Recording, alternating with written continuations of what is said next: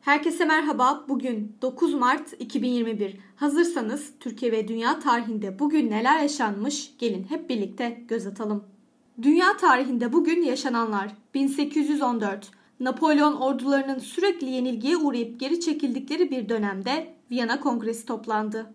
1923 Sovyet lideri Lenin geçirdiği felç sonucu konuşma yeteneğini kaybetti.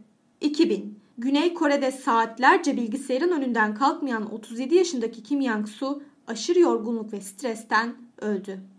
Türkiye tarihinde bugün yaşananlar 1929 İstanbul'da matbaacılık mektebi açıldı. 1957 1957 Türk ordusunun ilk kadın doktor subayı Sema Aran teğmen rütbesiyle göreve başladı. 1971 Türk Silahlı Kuvvetleri tarafından başarısız bir askeri darbe teşebbüsü yapıldı.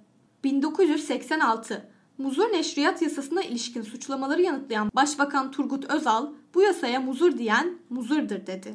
2007 İsviçre'de Ermeni çevrelerinin soykırım iddiasının inkarını suç sayan yasayı ihlal ettiği gerekçesiyle yargılanan İşçi Partisi lideri Doğu Perinçek para cezasına çarptırıldı. Lozan Mahkemesi 6 Mart'ta başlayan duruşmalar sonunda bugün verdiği kararda Perinçek'i 90 gün hapis cezası karşılığında her günü 100 İsviçre frangı olmak üzere 9000 İsviçre frangı para cezasına çarptırdı ve bu cezayı 2 yıl tecil etti.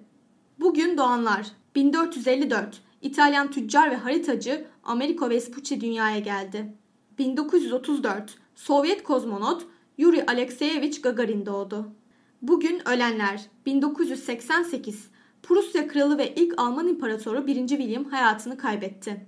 1994 Amerikalı yazar ve şair Charles Bukowski hayatını kaybetti.